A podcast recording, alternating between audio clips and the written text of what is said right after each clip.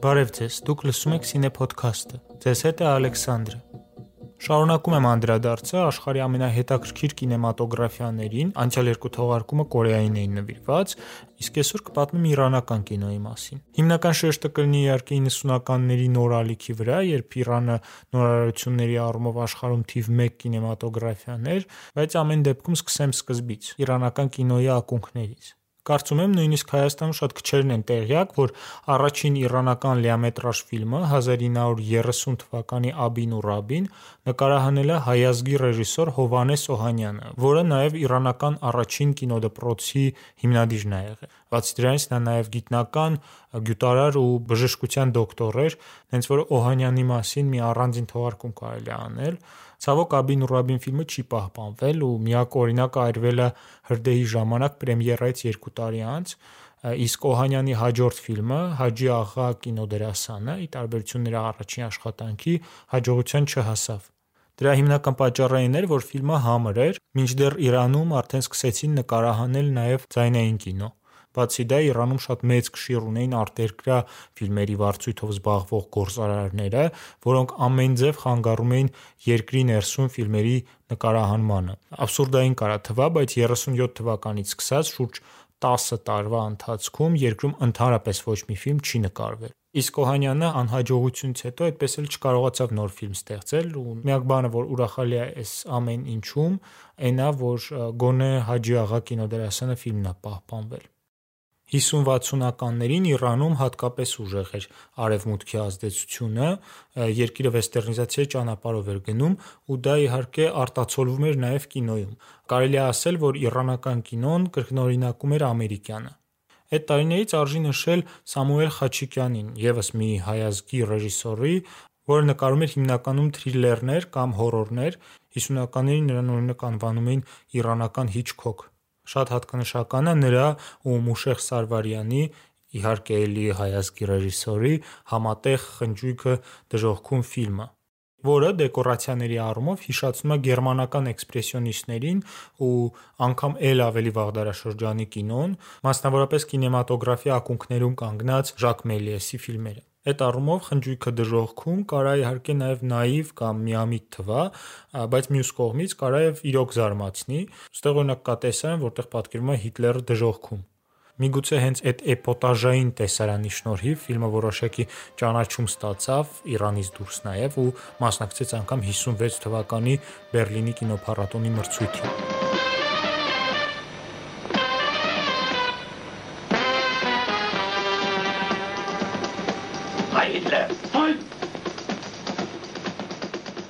Այդ տարիներին Իրանում նկարվում էր մենակ կոմերցիոն ստուդիաների կինոն, բայց 60-ականներից,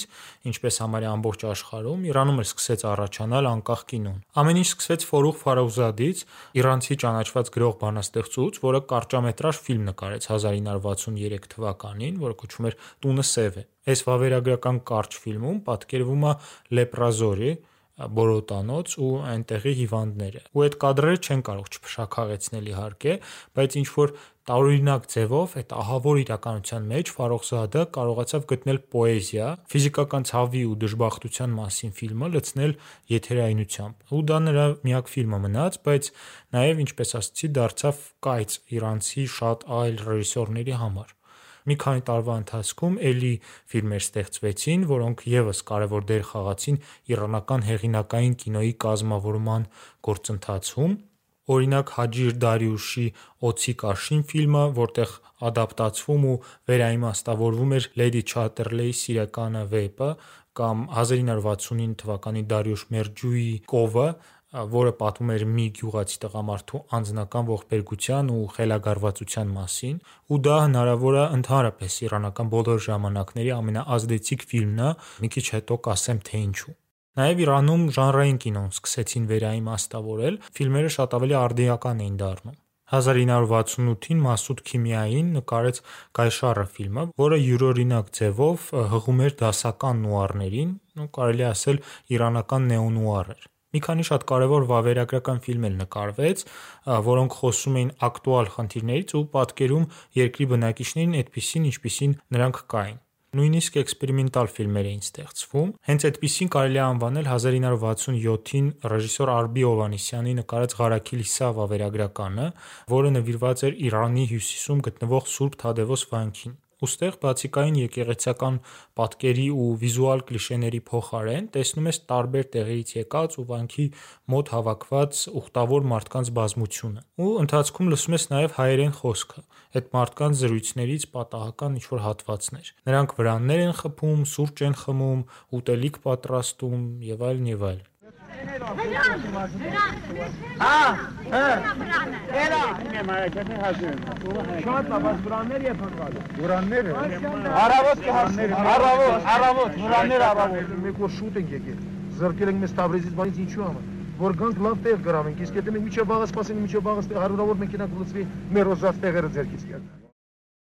Այդ ամենի շնորհիվ սկսում ես զգալ ժապավենին պատկերված այդ իրականությունը ու իրոք կարծես տեղափոխվում ես ֆիլմի տարածք, այդ եկեղեցու մոտ։ Տպավորություն է նույնիսկ ստեղծվում, որ հայկական ինչ-որ կղզի է ու որ այդ եկեղեցու շուրջը մի առանձին երկիր է ստեղծվում։ Համենայն դեպս այն դեպքում, եթե հայի պրիզմայով ես այս ֆիլմը նայում։ Արբի Հովանեսյանի մյուս գործերում էլ է շատ մեծ դեր խաղում նրա հայկական ծագումը, նույնիսկ անիմացիոն ֆիլմ ունի նկարած Թումանյանի Փարվանայի հիման վրա։ Իսկ նրա առաջին լիամետրաժը 1972 թվականի Աղբյուրը ֆիլմը հիմնված է Մկրտիչ Արմենի Հեղնար աղբյուր վիպակի վրա։ Հետաքրքիր է, որ նույն ժամանակ, ավելի կոնկրետ 1971 թվականին դուրս եկավ նույն այդ վիպակի սովետական էկրանավորումը, իհարկե մեզ շատ ավելի լավ հայտնի Արման Մանարյանի Հեղնար աղբյուրը ֆիլմը։ 70-ականներին էլ շարունակեցին նոր ռեժիսորներ հայտնվել, առանձնակի ուշադրության են արժանի օրինակ Աբբաս Քիարոստամին կամ Ամիր Նադերին, նրանց մասին ավելի մանրամասն դեռ կխոսեմ։ Այս ամենից արդեն կարելի է մոտավորապես պատկերացում կազմել 60-70-ականների իրանական կինոյի մասին ու հասկանալ, որ իրոք բազմաթիվ ինքնատիպ ֆիլմեր էին նկարվում այդ տարիներին ու հեղինակային կինոյի կոնտեքստում իրավիճակը բավականին հուսադրող էր։ Բայց այդտեղ երևի արդեն պետք է մի կարճ պատմական ակնարկ անեմ այդ ժամանակաշրջանի Իրանում ստեղծված քաղաքական իրավիճակի մասին։ Դեռ Երկրորդ համաշխարհայինի տարիներին երկիրը օկուպացված էր մի կողմից բրիտանացիների, մյուս կողմից ԽՍՀՄ-ի կողմից, ու բրիտանացիների ազդեցությունը շարունակում էր գործել նաև պատերազմի ավարտից հետո։ Փաստացի Իրանը անկախ էր, երկիրը կառավարվում էր շահի կողմից, բայց տնտեսական առումով Իրանը կարելի էր անվանել միացյալ թագավորության ֆաբրիկա։ Օրինակ բրիտանացիներին էր պատկանում նավթի հասույթի մեծ մասը։ Այդ տարիներին Իրանում բոլոր ոլորտներում վեստերնիզացիայի ու համեմատական ցուցադրական լիբերալիզացիայի կուրս էր վերցված։ Այսինքն Իրանը լրիվ աշխարհիկ պետության էր վերածվում, իսկ կրոնականները մեծ քաղաքականությունից դուրս էին մղվում, ինչը դժգոհություն էր առաջացնում ժողովրդի ավանդապաշտ հատվածի ու իհարկե առաջին հերթին հոգևորականության մեջ։ Կառավարության ու եկեղեցու կոնֆրոնտացիան հասավ նրան, որ 1964 թվականին երկրից արտաքսեցին հոգևորականների առաջնորդին՝ Իմամ Խոմեյնիին։ 70-ականներին ներքաղաքական իրավիճակը Իրանում դառնում է պայթյունավտանգ։ Շահի հակաիսլամիստական ու ամերիկամետ քաղաքականությունը միայն մեծացնում է ժողովրդի լայն մասսաների մեջ առաջացած դժգոհությունը։ Դրա հետ մեկտեղ երկրում ավելի ու ավելի մեծ դեր է սկսում խաղալ գաղտնի ոստիկանությունը ու ռեպրեսիվ մեքենան։ Ու եթե 60-ականներին դեռ գոնե զգացվում էր տնտեսական աճը, ապա 70-ականներին, մանավանդ երկրորդ կեսին, արդեն ավելի շուտ ստագնացիայի նման մի բան էր Իրանում։ Այդ ամենի պատճառով 70-ականների վերջերին համատարած բնույթ են կրում ուսանողների, աշխատավորների պրոտեստային ակցիաները։ Գլուխ են բարձրացնում լիբերալները, մարքսիստները, տարբեր ձախական շարժումները եւ իհարկե իսլամիստները։ Վերջի վերջո 1979 թվականին քաղաքացիական պատերազմի պայմաններում շահը ստիպված է լինում փախչել Իրանից, ինչից հետո երկիրը վերադառնում 15 տարի աքսորում անցկացրած Իմամ Խոմեյնին։ Նա էլ գլխավորում է իսլամիստական շարժումը, որը շուտով բերում է իսլամական հեղափոխության հաղթանակին։ Ստացվում է տենց, որ իսլամիստները երկրում եղած մյուս բոլոր ուժերից հզոր էին, առաջին հերթին իհարկե միասնության շնորհիվ, նրանց միավորումը ու համախմբումը կրոնը, դոգմատիկ, ավանդական շատ միանշանակ արժեհամակարգը։ Մինչդեռ ասենք մարքսիստների կամ լիբերալների շարքերում միշտ գաղափարական հակասություններ կային։ Երբ հաստատվեց հոգևորականության իշխանությունը, ասում են, որ Խոմեյնին լուրջ մտադրություն ուներ կինոն ընդհանրապես արգելելու։ Բայց էս այն պահն է, որի համար մի քիչ առաջ անվանեցի Դարիուշ Մերջուի Կովը ֆիլմը իրանական կինոյի պատմության ամենակարևոր ֆիլմ, ըստ լեգենդի, այդ ֆիլմը շատ մեծ տպավորություն թողեց Խոմեյնիի վրա ու այդ թվում հենց դրա շնորհիվ նա որոշեց թույլատրել կինոգործունեությունը Իրանում իսլամական հեղափոխությունից հետո։ Պոստհեղափոխական տարիներին երկրում իրականում բավականին մեծ քանակությամբ ֆիլմեր էին նկարվում, դրանք հիմնականում ունեին դաստիարակչական, կրթական կամ քաղաքական ուղղվածություն, ասենք կարելի պատմել, թե ինչ վատ էր կյանքը երկրում շահի կառավարման տարիներին։ Բայց կային նաև այդ սահմաններից դուրս եկող ֆիլմեր, օրինակ ռեժիսոր Ամիր Նադերի Վազորդը, որը նեոռեալիստական ոգով էր լցված, ֆիլմում գլխավոր հերոսը մի անտուն որբ տղա է,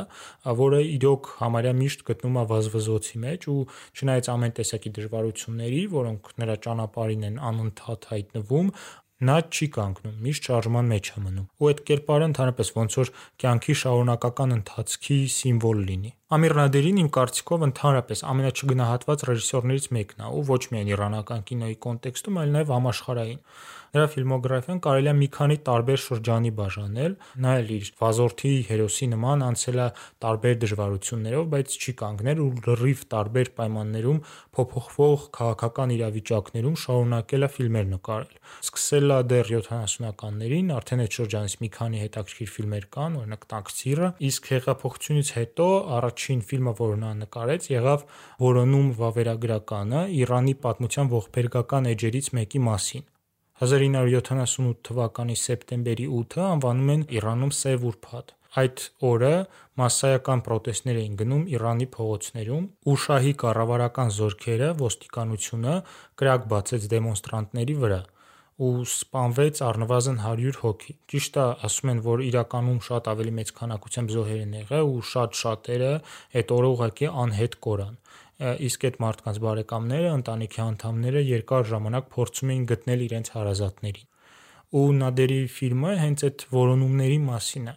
Սա ոչ միայն ուղակի վավերագրական ֆիլմ է, այլ նաև ահավոր հանցագործության, այդ ոճրագործության դոկումենտ։ Մեկ տարի անց Նադերին նկարեց երկրորդ որոնումը ֆիլմը, որը պատմում է մի տղայի մասին, ով զորակոչվում է իրանական բանակ ու պիտի մասնակցի Իրանա-Իրաքյան պատերազմին ու քանի որ ֆիլմը ուներ բացահայտ հակամիլիտարիստական մեսիջ,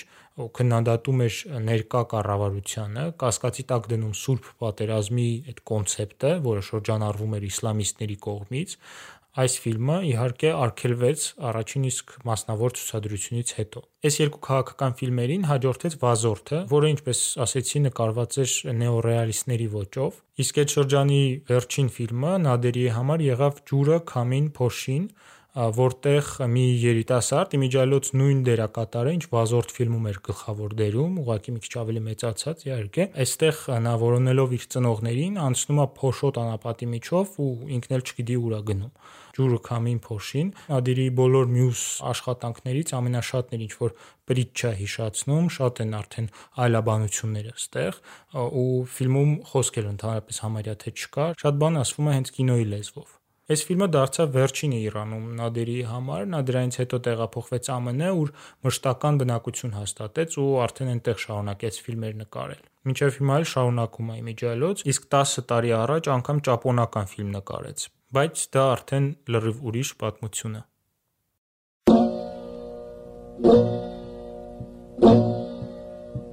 Երևի եկել է ժամանակը անդրադառնալու իրանցի գլխավոր ռեժիսորին Աբբաս Քիարոստամիին, որին իրականում Նադիրի հետ շատ բան է կապում։ Քիարոստամիի մոտ էլ պատմությունների կենտրոնում հաճախ երեխաներ են։ Մի անգամ էլ նա նույնիսկ հենց Նադերի սցենարով է նկարել Կյանքի փորձը ֆիլմը։ Քիարոստամին էլ ռեժիսուրա եկավ 70-ականների սկզբին, այսինքն դեռ հեղափոխությունից առաջ։ Այդ շրջանի ամենավառն էր ստեղծագործությունը, ամենից ակնառու մեծ ֆիլմը Ճանապարհորդն է, որում մի տղա դպրոցից փախնում է ու տնից փող է գողանում, որ ֆուտբոլի խաղի տոմս առնի։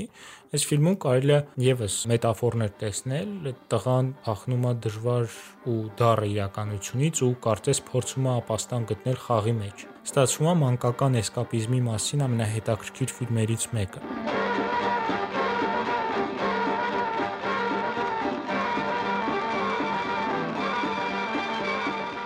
Քիարոստամի այդ շրջանի բոլոր ֆիլմերում, այդ թվում նաև ստեղ, անպայման պիտի բարոյախրատական ինչ-որ մեսիջ լիներ։ Նա աշխատում էր երեխաների ու երիտասարդության զարգացման կենտրոնում, որի շրջանակներում բազմաթիվ կրթող ֆիլմեր նկարեց։ Օրինակ, ուսուցանող կարճ ֆիլմեր, կարծես ինչ-որ սոցիալական ռոլիկներ։ Ու իսլամական հեղափոխությունից հետո էլ Քիարոստամին շարունակեց նմանատիպ բաներ նկարել, ասենք ճիշտ ու սխալ ֆիլմում ցույց է տրվում կազմակերպվածության կարգ ու կանոնի առավելությունները, ինչպես է պետք հերթ կանգնել, ճանապարհ անցնել եւ այլն։ Կարճ ասած, սոցիալական գովազդներ էր նկարում։ Բայց դրան զուգահեռ Քիարոստամին նաև գեղարվեստական ֆիլմեր էր ստեղծում։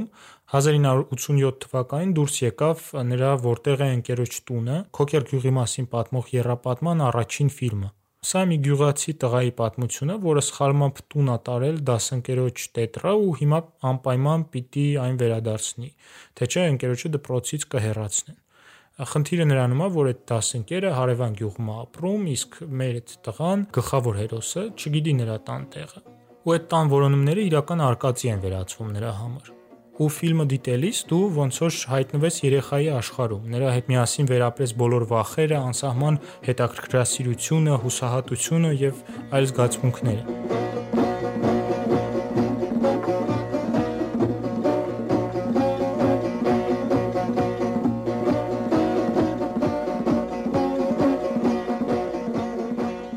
Այստեղ էլ Քյորոստամի մյուս գործերի նման ակնհայտ դիդակտիզմ կա, արտահայտվում է նրա որպես ուսուցչի մոտեցումը, ու էլի նա քարոզում է բարություն ու կարեկցանք կողքինի նկատմամբ։ Այս པարզ ու բոլորին հասկանալի պատմությունը համամարտկային արժեքների մասին էր ու դրա մեկ էլ ինչ որ ազնվության, իրականության, ռեալիզմի շնորհիվ այն բոլորին գերեց ու ֆիլմի շնորհիվ Քիարոստամին որոշակի ճանաչում ձեռք բերեց նաև Իրանից դուրս, ուր ընկերոջ տունը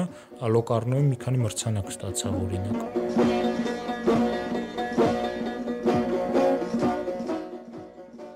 80-ականներին մեկնարկեց նաև իրանական կինոյի համար մյուս կարևոր ռեժիսորը Մոհսեն Մախմալբաֆը, ու նրա ֆիլմոգրաֆիան էլ մի քանի этаպի կարելի է բաժանել։ Սկզբում նա նկարում էր սոցիալական, երբեմն շատ մռայլ դրամաներ։ Օրինակ Բոյկոտ ֆիլմում գործողությունները կատարվում են նախահեղափոխական տարիների բանտում ու ամեն ինչ ստեղ շատ աութենտիկ է, որտեվ բանտային կյանքին ինքը Մախմալբաֆը լավ էր ծանոթ, դեռ պատանեկության տարիներին 70-ականների սկզբին նա արդեն քաղաքականության մեջ էր ներգրաված ու իսլամիստական շարժման ակտիվ ներկայացուցիչ էր եւ պատրաստ էր հանցագործության գնալ գաղափարների համար։ Մի օր Մախմալբաֆը դանակով հարձակվեց ոստիկանի վրա, ինչի համար 5 տարի բանտում անցկացրեց։ Նրան նույնիսկ մահապատժի էին դատապարտել, բայց տեղի ունեցավ հեղափոխությունը, որից հետո նա ազատ արձակվեց։ Բոյկոտից հետո Մախմալբաֆը եւս մի դառը տխուր, բայց ռեալիստական ֆիլմ նկարեց Հեծանվորդը իր իսկ գրքի հիման վրա։ Ու այս ֆիլմն էլ ինչ որտեղ նեոռեալիստական էր,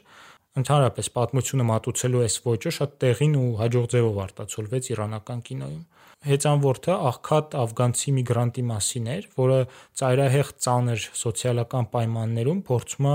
ծերը ծերին հասցնել։ Այս էլի բացառիկ իրանական ֆիլմերից էր այդ շրջանի, որ որոշակի միջազգային ճանաչում ստացավ ու մասնակցեց մի քանի մեծ փառատոնի, օրինակ Ռոտերդամում ցուցադրվեց։ Իսկ հենց Իրանում այս ֆիլմը շատ մեծ տարածում գտավ ու դարձավ կուլտային, եթե կարելի է այդպես բնութագրել։ Ֆիլմը արտահայտում էր այն, ինչ զգում էին սովորական մարդիկ, շատ շատերը գլխավոր հերոսի մեջ իրենք իրենց էին տեսնում։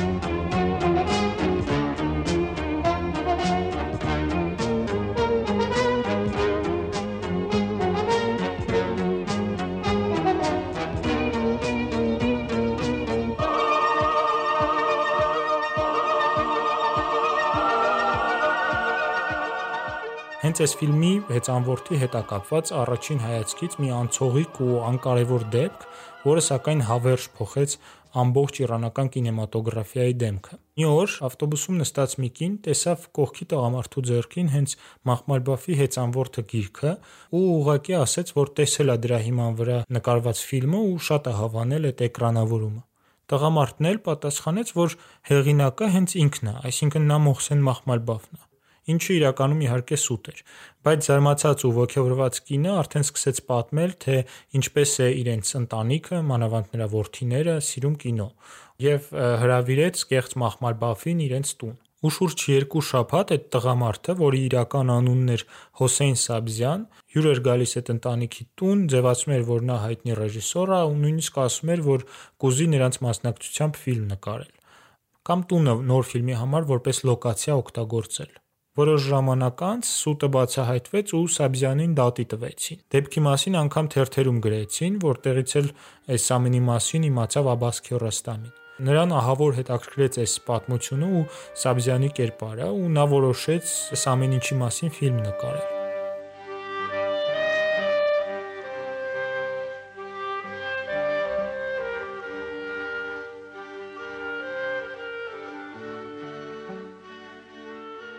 Քյարոստամին դատական process-ը նկարելու թույլտվություն ստացավ, նաև հանդիպեց հենց Սաբզյանի ու իրադարձությունների մյուս բոլոր մասնակիցների հետ ու նրանց պատմեց իր ֆիլմի գաղափարի մասին։ Այս ֆիլմում խոշոր պլանում մենք տեսնում ենք եւ վավերագրական կադրեր, օրինակ բունդատավարությունը, եւ խաղարկային դրվագներ, երբ իրադարձությունների ռեկոնստրուկցիա է պատկերվում։ Ասենք նշածս ավտոբուսի տեսարանը կամ այդ հյուրընկալությունների տեսարանները ամենահայտակրքիր ասպեկտներից մեկը այն է, որ խաղարկային էպիզոդներում իրադարձությունների բոլոր մասնակիցները, Սաբզյանը, ընտանիքի անդամները ու անգամ ոստիկանները, որոնք ձերբակալության տեսարանում են ներգրաված, այդ բոլոր մարդիկ խաղում են իրենք իրենց դերը։ Կինոյում կամերայի առջև վերապրում են իրենց հետ տեղի ունեցածը ու այս տեսարաններում իրականում տեղի ունեցած բաները այնպես են պատկերվում, ինչպես դա կլիներ գեղարվեստական խաղարկային կինոյում։ Քիարոստամին իր պրիզմայով է ներկայացնում իրադարձությունները ու օրինակ կենցաղայինի մեջ պոետիզմ է գտնում։ Միշտ ինչ որ մանրուքներ ավելացնում, որոնք նոր տոնայնություն ու նոր երանգ են հաղորդում գործողություններին։ Օրինակ կամերան կարա երկար ֆիքսվի փողոցով գլորվող ինչ որ առարկայի վրա, բալոնչիկի վրա կամ երկնքում անցնող ինքնաթիռի վրա բայց սա էլ ամենի ինչ կա այս ֆիլմում։ Կիարոստամին բացի նրանից, որ ֆիքսում է իրականությունը դոկումենտալ հատվածներում, հետո վերարտադրում է այդ իրականությունը կիսախաղարկային այդ տեսարաններում, նաև հենց այս ֆիլմով է ազդում իրականության վրա։ Դատավարության ավարտից հետո նա խնդրեց իրական ռեժիսոր Մախմալ Բաֆին հանդիպել Սաբզյանի հետ, ու նրանք միասին գնում են խապված ընտանիքից ներողություն խնդրելու։ Այսինքն, եթե չլիներ ֆիլմը, ֆիլմի այս գաղափարը, այդ հանդիպումը չէր կայանա, իսկ այդ դեպքում նրանք չէին բարիշի ու չէին լինի այդ խաղարկային տեսարանները, ուր նրանք որպես դերասաններ համագործակցում են։ Արդյունքում ոչ միայն իրականությունն է ձևափոխվում ու ֆիլմում ինչ որ առումով դառնում հորինվածք, այլ նաև հակառակը հորինվածքն է իրականանում ու դուրս է գալիս կինոյի սահմաններից, փոխելով պատմության ընթացքը։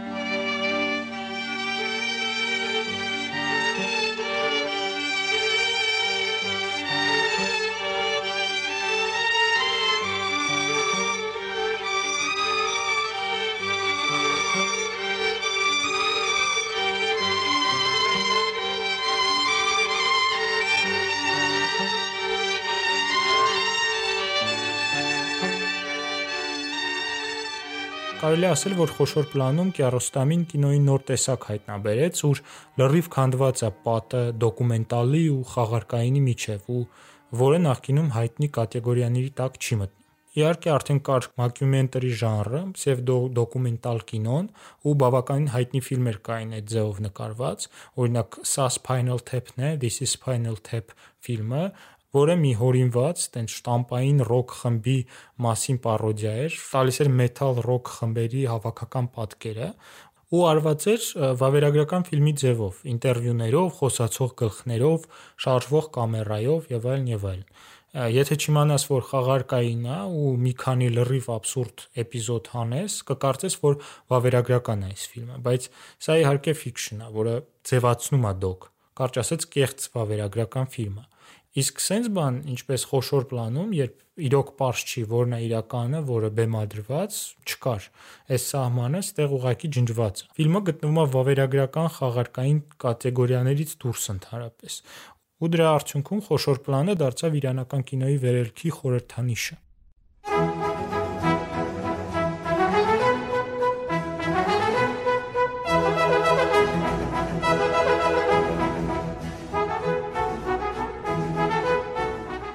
Կիարոստամի հաջորդ ֆիլմը՝ «Կյանքը եւ ուրիշ ոչինչ» շարունակում էր Քոքեր գյուղի թեման, այսինքն մի քանի տարի անց վերադառնում էր այն գյուղը, ուր նկարվում էր որտեղ է ընկերոջ տունը։ Այս երկուսը, ինչպես նաև Ձիթենիների միջով ֆիլմը, կազմում են Քոքերյան երրապատումը, որտեղ շատ հետաքրքիր ձևով էլի միահյուսվում է իրականությունը ու ֆիկցիան։ Միգուցե անգամ էլ ավելի զարմանալի ձևով, քան խոշոր պլանում, իմ համար համենայն դեպս տենց էր, որտեղ սկզբում ես նայեցի Քոքերյան ֆիլմերը, հետո նոր արդեն ծանոթ լինելով Քիարոստամիի մեթոդին խոշոր պլանը տեսա։ Ոնց արդեն ասեցի, Քոքերյան երրապատումը սկսվում է դեռ որտեղ է ընկերոջ տունը ֆիլմով, որում կոնցեպտուալ իմաստով իհարկե ոչ մի արտառոց կամ նորարարական բան չկար։ Այդ առումով հետաքրքիր բաները սկսում են կյանք եւ ուրիշ ոչինչ ֆիլմում։ Ըստ սյուժեի մի կինոռեժիսոր իր մանուկ որդու հետ միասին մեքենայով ճանապարհ է ընկնում դեպի Իրանի հյուսիսային հատվածները, ուր մի քանի օր առաջ ահավոր երկրաշարժ է տեղի ունեցել, որը քանդեց գյուղեր ու քաղաքներ եւ հազարավոր մարդկանց կյանք տարավ։ Երկրաշարժը իմիջիայլոց իրականում տեղի է ունեցել 1990 թվականին ու դա ժամանակաշրջանի ամենամեծ աղետներից մեկն էր տարածաշրջանում։ Ու տուժած գյուղերից մեկը հենց Քոքերն էր, ուր նկարահանվում էր որտեղ է ընկերոջ տունը ֆիլմը։ Այդ մեքենայով գնացող ռեժիսորի նպատակն է գտնել այն տղային, որը ֆիլմում գլխավոր դերն էր խաղում։ Նա հաճախ կանգնեցնում է մեքենան, խոսում է ճանապարհին կանգնած մարդկանց հետ, նրանք էլ կիսվում են իրենց ողբերգություններով, իսկ ռեժիսորը ամեն մեկին ցույց է տալիս որտեղ է ընկերոջ տունը ֆիլմի պաստառը, որի վրա պատկերված է այդ փոքրիկ գլխավոր հերոսը ու ամեն մեկին հարցնում է դուք չեք տեսել այս տղային։ Այսինքն ինչ որ ռեկուրսիա ենք տեսնում։ Կիորոստամի այս ֆիլմում նրա մեկ այլ ֆիլմ դառնում է սյուժեի զարգացման հենասյունը ու կարա տպավորություն ստեղծվի, որ սա վավերագրական ֆիլմ է, հենց որոնումների մասին բայց այս երապատման հաջորդ ֆիլմը Ձիթենիների միջովը նայելուց այդ տպավորությունն էլ է քանդվում։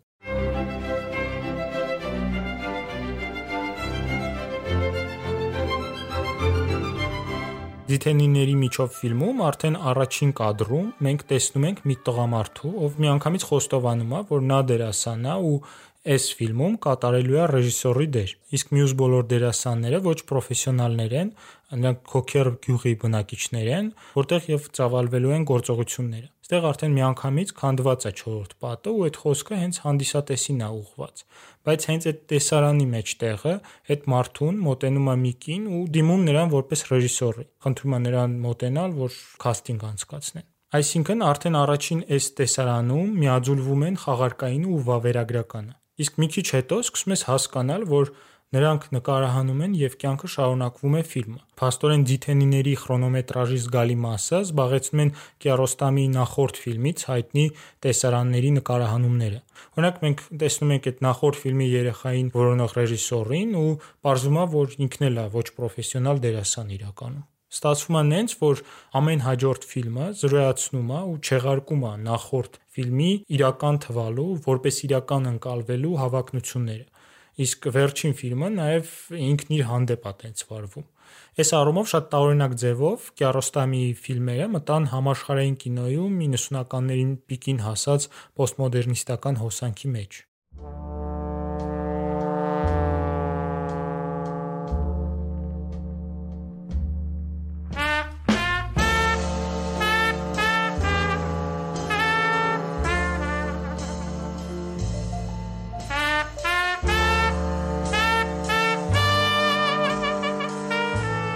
Իսկ 1997 թվականին եղավ Բալի համը, որը նյութականացրեց իրանական կինոյի տրիումֆը Կաննի փառատոնում գլխավոր մրցանակը շահելով։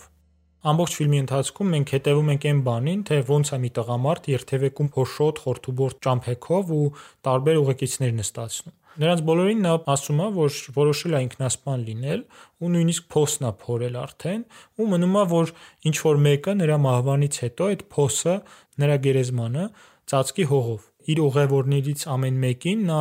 առաջարկում է լինել այդ մարդը ու նաև առաջարկում է որոշակի գումար իհարկե։ Բայց քանի որ իսլամում, ինչպես եւ քրիստոնեության մեջ, ինքնասպանությունը մեծագույն մեղք է, մեծագույն հանցանք է, շատ դժվար է գտնել ինչ-որ մեկին, ով կհամաձայնվի այդպիսի բանի։ Ու այն 3 կերպարները, որոնց նա հանդիպում է, պատկերում են 3 տարբեր մոտեցում։ Առաջինը երիտասարդ զինվորը, որը ընդհանրապես չի հասկանում ոչինչ, ու փախնում է ուղակի, երկրորդը ուսանող աստվածաբանը ամեն տեսակի փաստարկներ բերելով փորձում է հետ համոզել գլխավոր հերոսին ու երրորդը աշխարհ տեսած իմաստուն ծերունին, որը կարծես թե համաձայնվում է։ Բալի համը ֆիլմը կարելի է յուրօրինակ road movie անվանել, Ընդհանրապես road movie-ն ու ավտոմեքենայում տեսարանները շատ մեծ տեղ ունեն Կիարոստամի ֆիլմերում ու ամբողջ իրանական կինոյում էլ բազմաթիվ ֆիլմեր կան, որոնց գործողությունները կատարվում են մեքենայով ճանապարհին, դրա շնորհիվ ստանում են ինչ-որ այլաբանական ենթատեքստ, որտեղ իհարկե ճանապարհը որպես կյանքի խորհրդանիշ կարելի է անցալել։ Իսկ այս դեպքում արդեն սինոպսիսն է հուշում ֆիլմի այլաբանական բնույթի մասին։ Սյուժետային մանրուքները դեռ չեն խաղում ստեղ։ Մենք տեսնում ենք հերոսին, բայց ոչինչ չգիտենք նրա անցյալի մասին, տեսնում ենք իրավիճակը, բայց չգիտենք թե ինչն է դրան հասցրել։ Տենց էլ չենք իմանում օրինակ դրդապատճառը, թե ինչու է գլխավոր հերոսը ուզում ինքնասպան լինել։ Մենակ տեսնում ենք նրա այդ որոնումները։ Հետաքրքիր է, որ արևմուտքում, որ 90-ականներին ոնց արդեն ասացի, պոստմոդեռնիզմը հասել էր իր պիկին, հենց այս ֆիլմը, այլ ոչ թե օրինակ Դիթենիները ամենաբարձր գնահատվեց Կիարոստամիի մոտ։ Բալի համում մենք տեսնում ենք մաքուր պրիչա ու մենակ ֆիլմի ամենավերջին կադրերն են հանդիսատեսին վերադարձնում գիտակցությունը, որ սա ընդամենը կինո է։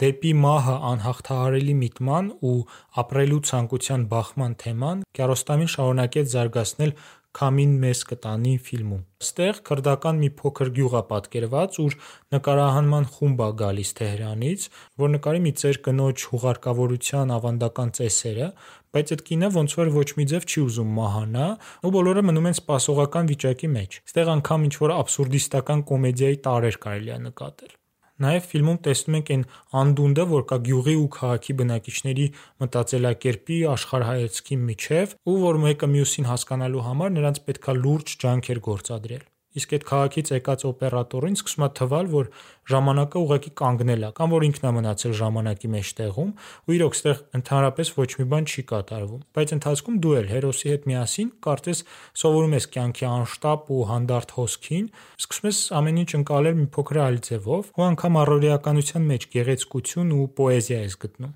Ֆիլմի պոետիկ անվանումն էլ Քամին մեզ կտանի իրականում հղում է բանաստեղծուհի ու իրանական կինոյի պիոներ Ֆորուխ Ֆարոխզադի տողերին։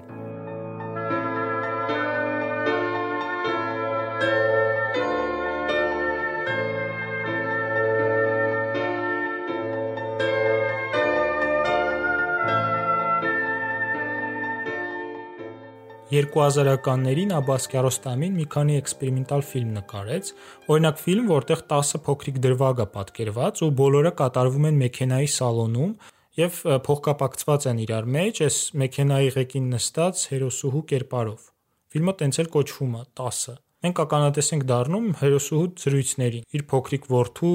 նախկին ամուսնու կամ անծանոթ ուղեկցուհու հետ։ Սա առաջի անգամն էր, երբ Կիարոստամի ֆիլմում գլխավոր կերպարը կին է։ Հետո մի ֆիլմ էլ նկարեց Շիրինը, ուր արդեն միանգամից մի քանի տասնյակ գլխավոր հերոսուհիներ կային։ 1.5 ժամ մենք տեսնում ենք տարբեր կանանց դեմքերը խոշոր պլանով, այդ ընթացքում նրանք բոլորը կինոթատրոնում ֆիլմ են նայում բայց մենք չենք տեսնում էկրանը, կամերան ֆիքսում է միայն նրանց դեմքերը։ Տեղ կարծես ուսումնասիրվում է կինոյի ազդեցությունը հանդիսատեսի վրա։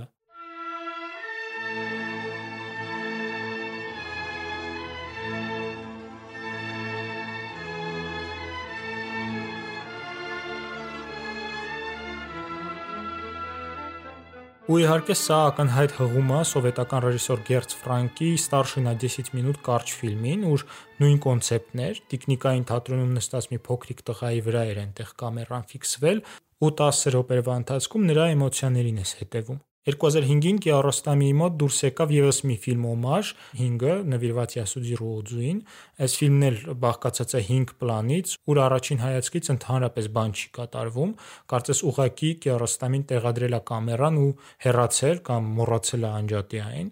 բայց իրականում ստեղ Կիարոստամին ամերիկացի ռեժիսոր Ջեյմս Բեննինգի մեթոդով փորձում է էկրանին փոխանցել ժամանակի հոսքի զգացողությունը ու իրականության տրամադրությունը։ Կիարոստամին մեծ սեր ուներ ստեղծագործություններին թվաբանական անվանումներ տալուն, արդեն նշածս 10 ֆիլմի հիմքի վրա նկարվեց 10 անգամ 10 վավերագրականը, ուր արդեն Կիարոստամին ինքը մեքենայի ղեկին նստած պատմում է իր մեթոդի մասին։ Կիարոստամի վերջին ֆիլմն էլ թվաբանական անվանում ուներ ու շատ սիմվոլիկ։ կոչվում է 24 կադր։ Այս ֆիլմն էլ բաղկացած է 24 շատ էսթետիկ մոնոխրոմ կադրից, որոնցից յուրաքանչյուրը կարծես կենթանացված լուսանկար լինի։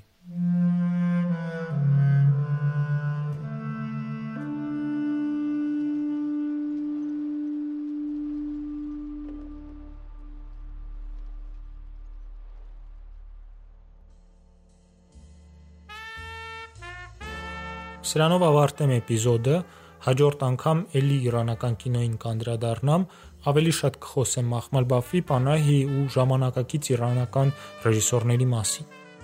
Հաջողություն։